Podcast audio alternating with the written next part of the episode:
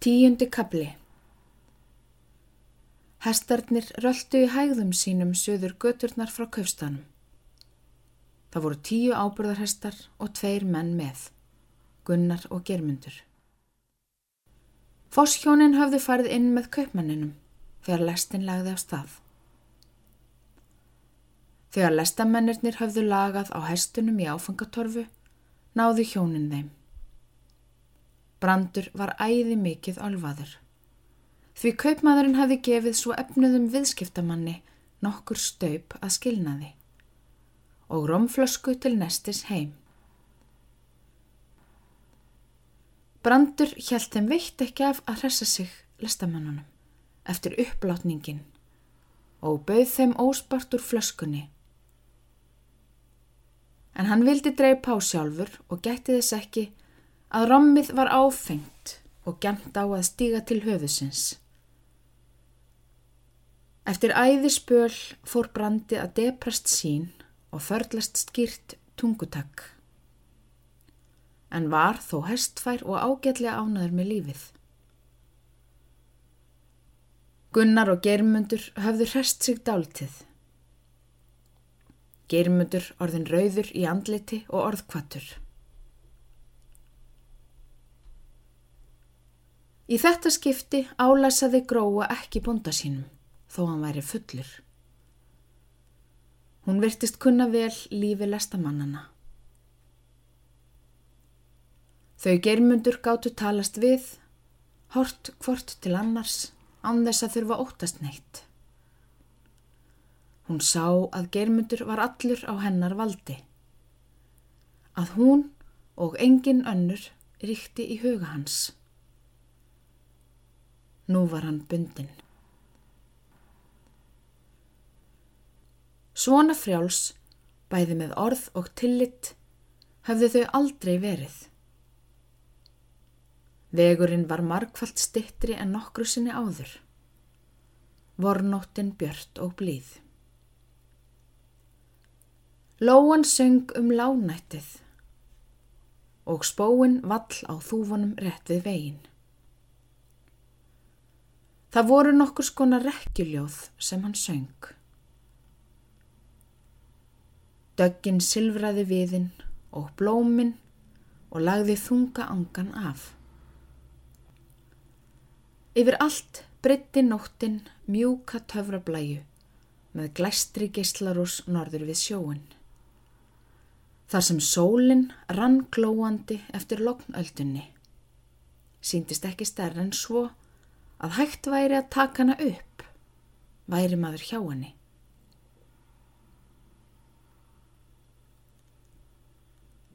Hestarnir lestuðu sig vel eftir veginum, gripu töðu toppana af gödubökkunum um leið og þeir gengu fram hjá. Gengu svo tiggjandi með klifjarnar og báru sig þólinnmóðulega í nætursvalanum. Rauður geirmundar stiklaði léttfættur og fótslingur eftir lestinni. Blóðið sögð og hjartað sló hart í honum. Seks vetra gömlum, óþólinnmóðum og gáskaföllum. Geirmundur hafði unun af hestinum. Þó hann væri heitlaður af vorlífinu og konunni sem reyði að pliða honum. Nærvera hennar sveif meira á hann en vínið, sem var aðeins ólja á eldin. Tillitið var tíðara og lengra. Orðin þýðari. Málið mikra. Brúnskjóni lippaði lágengur og spórviljugur, auðveldur og þýður ruggaði gróu í aðbræðs samræmi við líðandi leið og ástarleðsluna sem hún leið í við hliðin á honum sem bundin var af henni. Eins óstýrilátur og sterkur og hann þó var. Gunnar hvað og brandur með honum. Supu á og buðu germundi. Hann drifti á því, ekki meir. fann að blóðið mátti ekki æsast úr því sem var. Hvað svo með þeim eina eða tvær vísur? Þá voru þeir vissir að halda áfram um stund. Ef þeir svo þögnuðu, bað germundur þá blessaða að halda áfram og skemta. Byrjaði fyrsta erindið af einhverjum hestavísum og þegar það var búið snýri hann að gróu og samræð honum við hanna.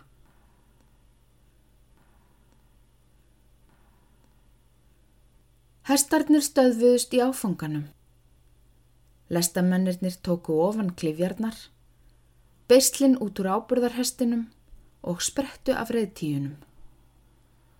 Settust niður hjá klifjónum þar sem þær voru þéttastar. Leistu upp nestið og tóku til snæðings. Þau voru allir góðu skapi og all kátt. Að því loknu var lagfært til að kvílast um hríð. Láta fara svo þægilega um sig sem fengur á. Fyrst sigraði svefnin brand frá samröðunum. Hann var elstur og ölvaðastur. Og svo gunnar. Það var þungur þreitu og vinsvefn. Svo óhætt hefði mátt æpa í eiru þeirra án þess þeir rumskuðust. En þau tvö sem vöktu letu sér ekki koma neitt því líkt í hug. Unnu þau mæta vel varðarinnar. Töluði hljóðlega. Báðum var erfitt um andardráttin og hjartað sló hart og titt. Svanahópur kom norðanað og stemdi til veiðivats. Þeir flugu í ottfylking og skiptust á um fóristuna. Kvökuðu við, en vangja þitturinn fór súandi gegnum loftið. Hestarnir dreifðu sér með fram ánni og rifu í sig gróðurinn. Hristu sig, svo glamraði í beislisjárnunum og tóku aftur til að svifta grasinu af þúfunum. Stelkurinn flög aftur og fram með rauðu löngu fæturna lavandi og gall mjóróma. En hann gæti engan gabbað til elda sig. Af allri þessari þyrpingu. Hvernig sem hann flökti og herti á að gjalla, höggvandi rómnum. Grátillingurinn skust örsnögt millir runnanna. Honum stóð ótti af gestkomunni. Rjúpan kurði í miðjum rauðvíðisrunnanum. Innanum mórauð vetrarrakin blöð og mosa.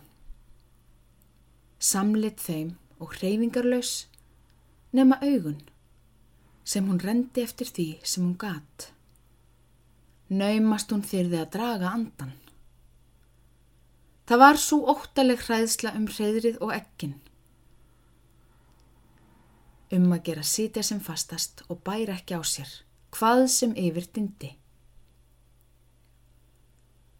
Austurloftið varð rauð gullið fyrir bjarma upprennandi sólar. Döggin glitraði á blómunum og grasið varð sylfur grátt af vatsmóðunni. Það sló skjálfandi óró og þrá yfir þau tvö sem vöktu og horðust í augu.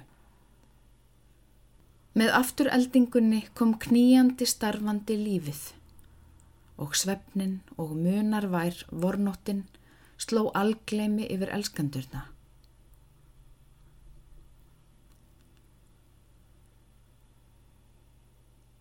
Germundur og gróa sopnuðu ekki. Það var nóg til að tala um. Hinn er tveir hlutu hvor í kapp við annan. Og þetta hljóð gerðu þau örug með að vera tvö einn. Að þau getu talast við óhullt og frjáls. Aldrei hvorki fyrr niður síðar let þetta hljóð öðruvísi en illa í eirum. En þessi morgunstund var þeim alls ekki kvumleitt.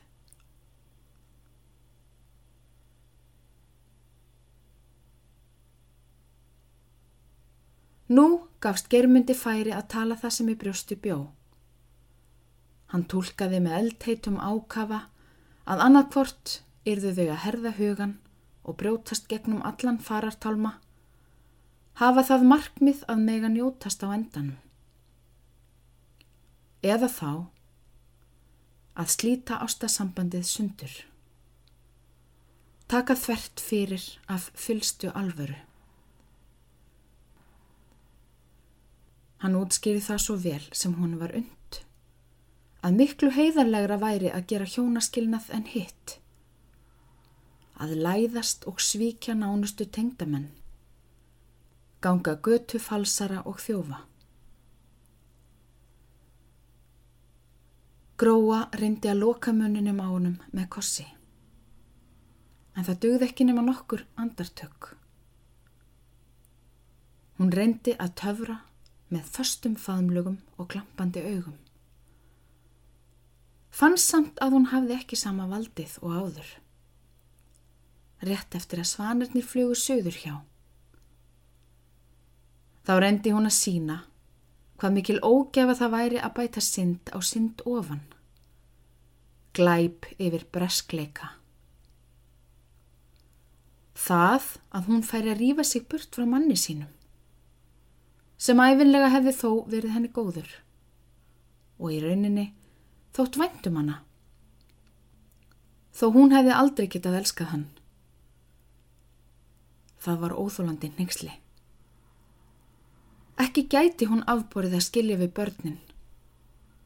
Blessu litlu börnin sín.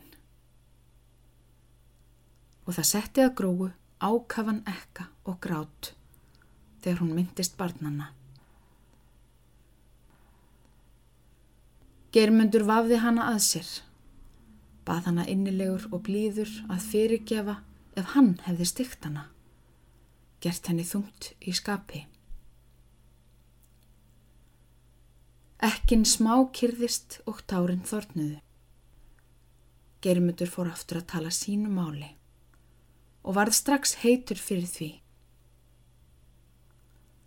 Tárin kom aftur fram í augu gróðu og þegar hann sá það fór hann líka að tala með minna afli beigja dálítið stefnuna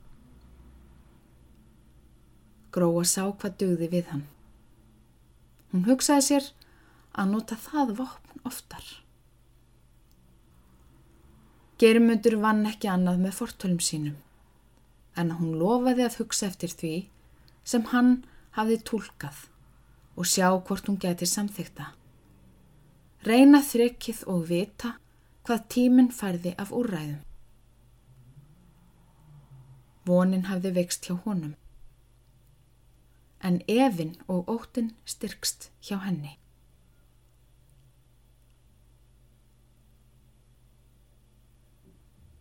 Nú fannst gróu komin tími til að vekja þá félaga. Það myndi komið undir dagmál. Ég lifi ekki ef þú yfirgefur mig. Mér verður það ómögulegt. Ég get ekki skilið við börnin. Guð hjálpi mér. Hvað ég á bátt. Og ég lifi ekki mannslífi til lengdar ef við göngum þessa götu. Ég er svo órór að ég má til með að drekja sorginni í víni. Deyfa eldin með því. Þú gerir það fyrir mig að drekka ekki meira en þú þólir. Þú gerir það þegar ég byrð þig svo vel sem ég get, elsku vinur. Hún lagði hendurnar um hálsin á honum og kisti hann löngum, föstum kossi.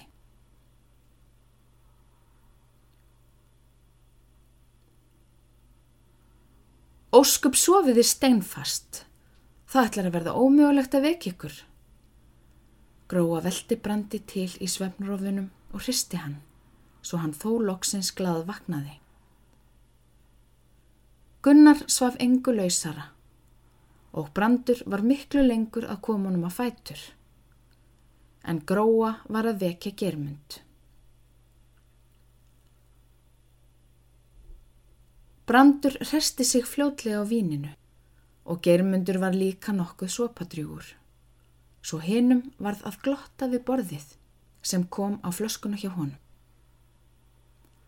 Svo rákuðir Gunnar saman hestana og allir tóku til að laga reyðingana og girða gerðirnar.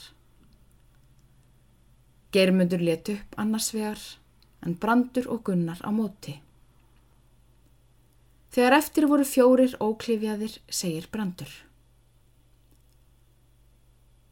Þessa helviti skömm megum ekki láta spyrjast, að við látum tveir upp á móti einum.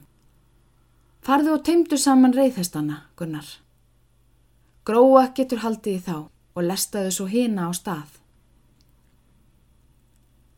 Þeir vörpuðu upp á hestana, síðast á Efrafoss hæring sem hafði 130 pund í klif.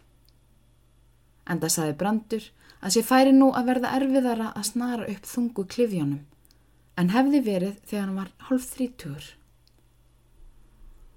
Geirmundur varð heldur fljótari að ná klaknum. Þegar þeir voru komnir spölkorn söður eftir var vínið búið að vekja þá Brand og Geirmund. Gunnar var daufastur.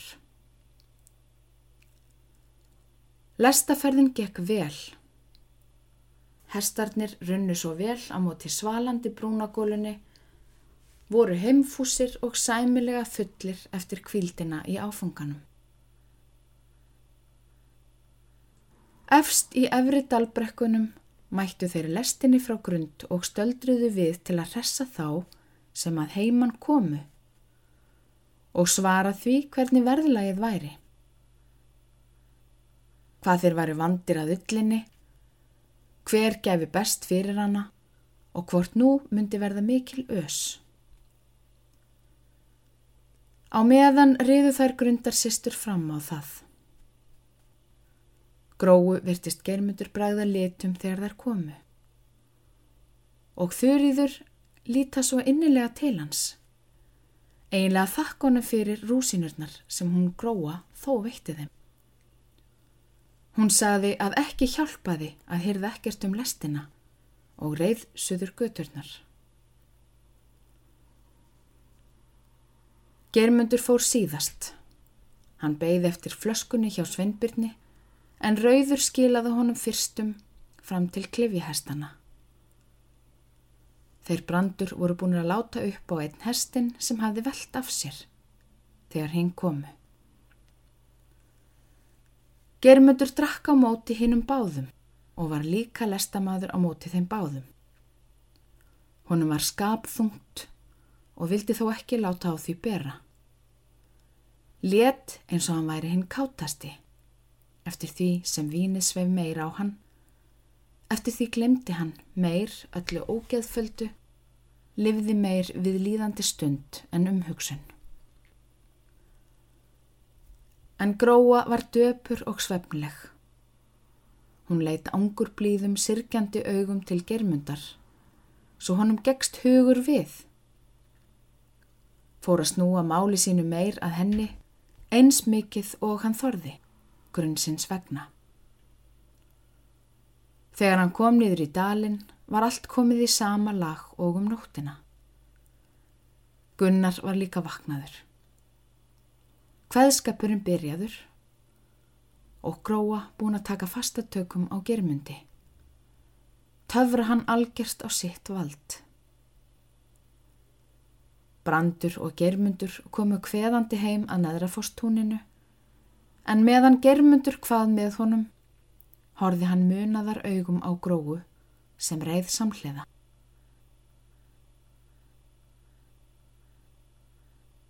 Norðan við túnið kvattist fólkið með kossi og þakkaði fyrir góða skemmtun. Germundur og gróa kvattust síðast. Kemur það á morgunni svo þú lofaðir, hvíslaði hann. Já, góði, ég hef erindi. Hún frökti skjóna upp götuna. Það var höfuðverkur í germundi þegar hann vaknaði á sunnudagsmorgunin Sami glóandi teitnin og einu sinni áður, stóð í gegnum hausin á honum.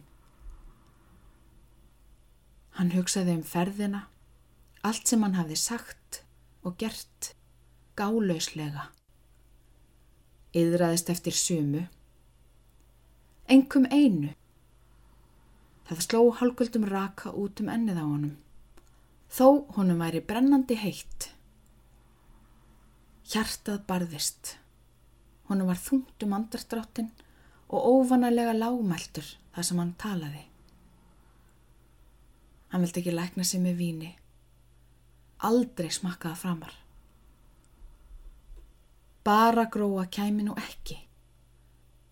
Stefnan var voðaleg. Hálf ljós grunur um að hún myndi aldrei skilja hann, ekki vilja það. Að hann skorti þrekið til þess og að hann skorti líka þrótt til að slíta ást þeirra sundur.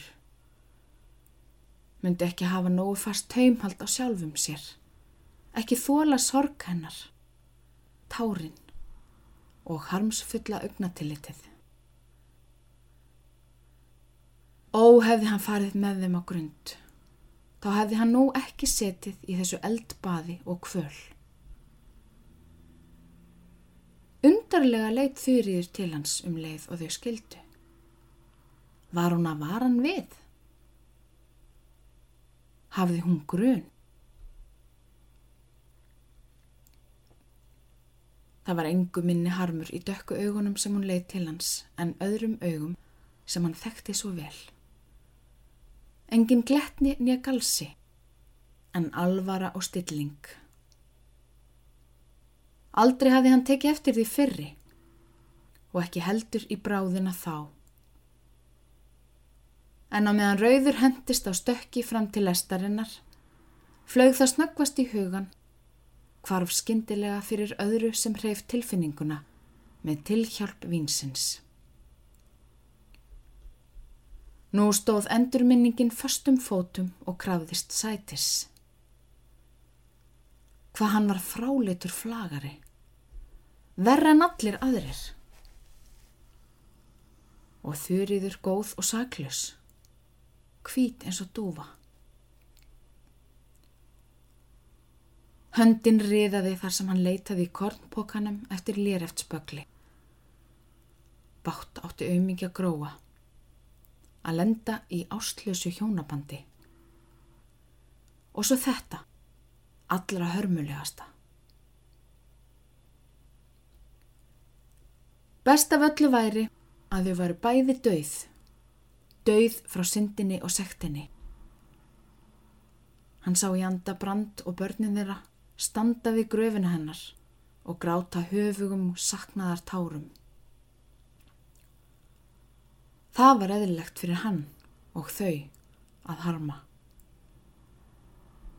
Dauðin hafði borið hann að burt frá brestum og sekt, frá harmi og synd, yfir á land levandi sætla manna.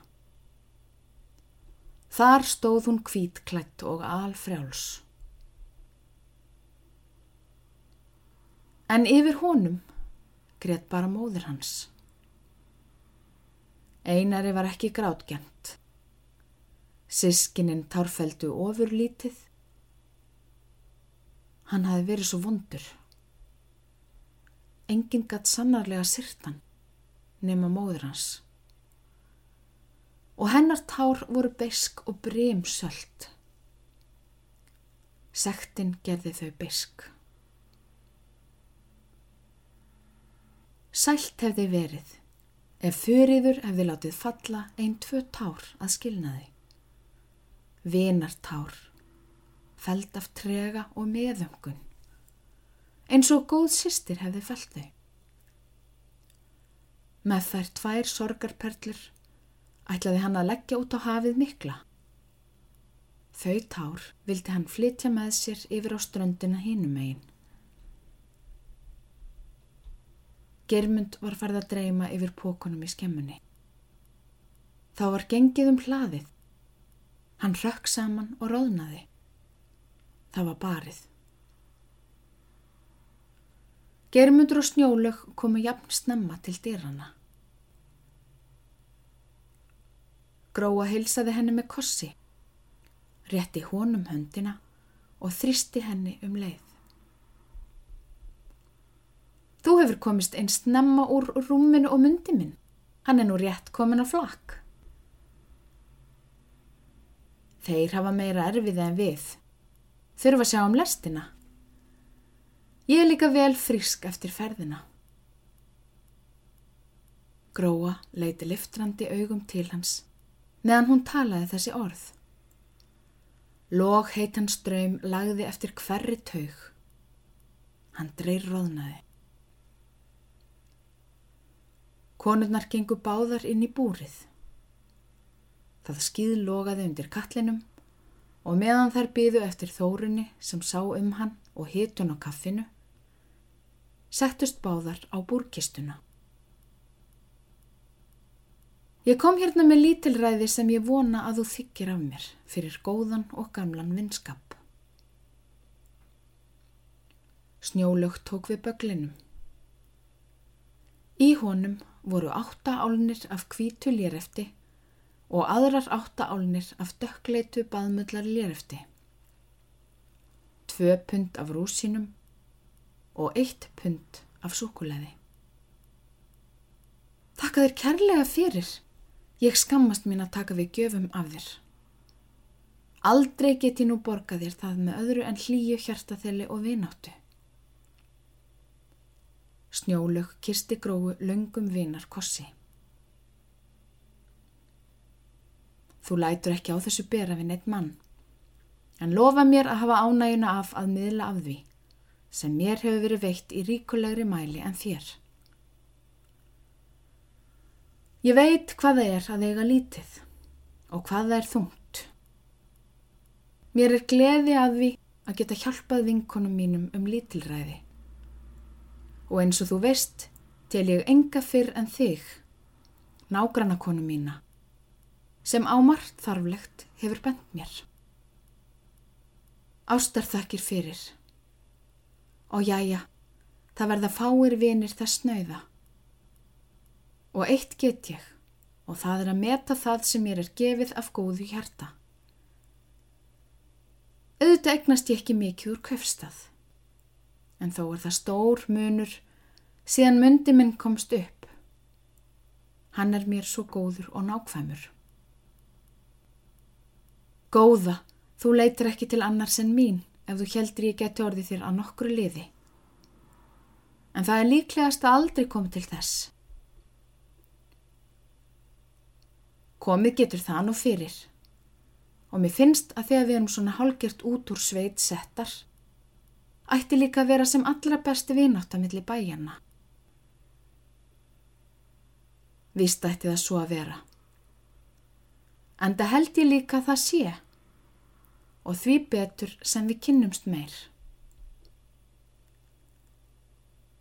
Gróa var ánægð í sæti sínu á búrkistunni og þó hún rendi augunum til dýrana í hvert sinn sem um var gengið Var það ekki af þeirri ástæðu að henni líkað ekki mæta vel við gamlukonuna við hlið sér. Þórun kom með ketilinn. Snjólög tók við að hagraði áhöldunum og hella á botlana. Byttu hann mynda að skreppa hérna inn og bæta kaffið ef hann á eitthvað til þess. Germundur kom með romflösku og heldi í botlana þeirra fjögura. Kaffið var ósvikið og lummundnar lostættar. Gróa kom einmitt í köfstæðarkaffið á neðrafossi. Það var líkast og teininum væri kift burt úr hafði germundar eftir þennan botla. Kaffið og vínið vakti æskufjörið. Grafirnar og dauðin hurfu út í bláman. Einar gamli og börnin komu. Þau fengu halva botlana af kaffi og lummur og rúsinur með og þótti myndtamt góðgetið. Germundur heldi botlaföður síns úr flöskunni og bauð honum að súpa á henni á eftir. Gamli einar lipnaði allir við hressinguna og augnatillit hans listi því að honum þætti vænt um germund og virtist hann vera líklegur til þroska og frama. Smám saman fór fólkið að tínast burt úr búrinu. Loks voru þau gróa og germundur tvö eftir. Góði, gerðu eina bón mína. Ef ég get. Þú getur það og lofar að gera það. Já. Þegðu af mér þennan klút, mér þykir svo væntum að þú gerir það. Það var einn af dýrustu og fallegustu hálsklútonum sem fengust í köfstæðanum. Germundur dreir ráðnaði. Umfram allamuni gerðu ekki þetta, góða gróa, gerðu það ekki aftur. Ég skammast mín að þykja gjafir. Og líka af sér að jóstinni. Ég hugsa til að borga það setna. Já, það getur nú verið.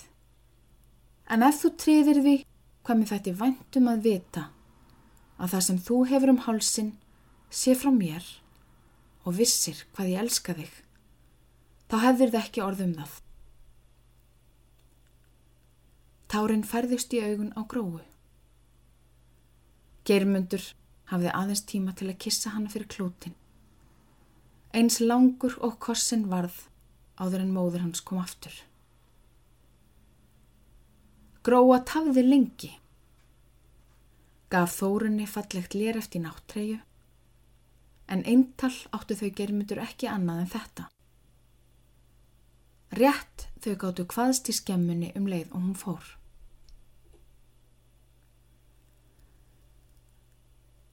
Germundur reið út að svartholti um kvöldið og var þá búin úr flöskunni. Rauður fekk að hlaupa úr sér mesta gáskan suður teikseirarnar aftur. Allur á þann stökki og uppkvartning í ofanálag. Eins og það þyrti við hann, sem var nógu óbylgjarn og harðsóttur áður. Það dundi í eironum. Götuleirin hendist harður og þjettur úr hófunum langt aftur frá honum. Rauður vildi líka taka brekkuna, en þá stilti germundur, fór af baki og gekk upp brekkuna.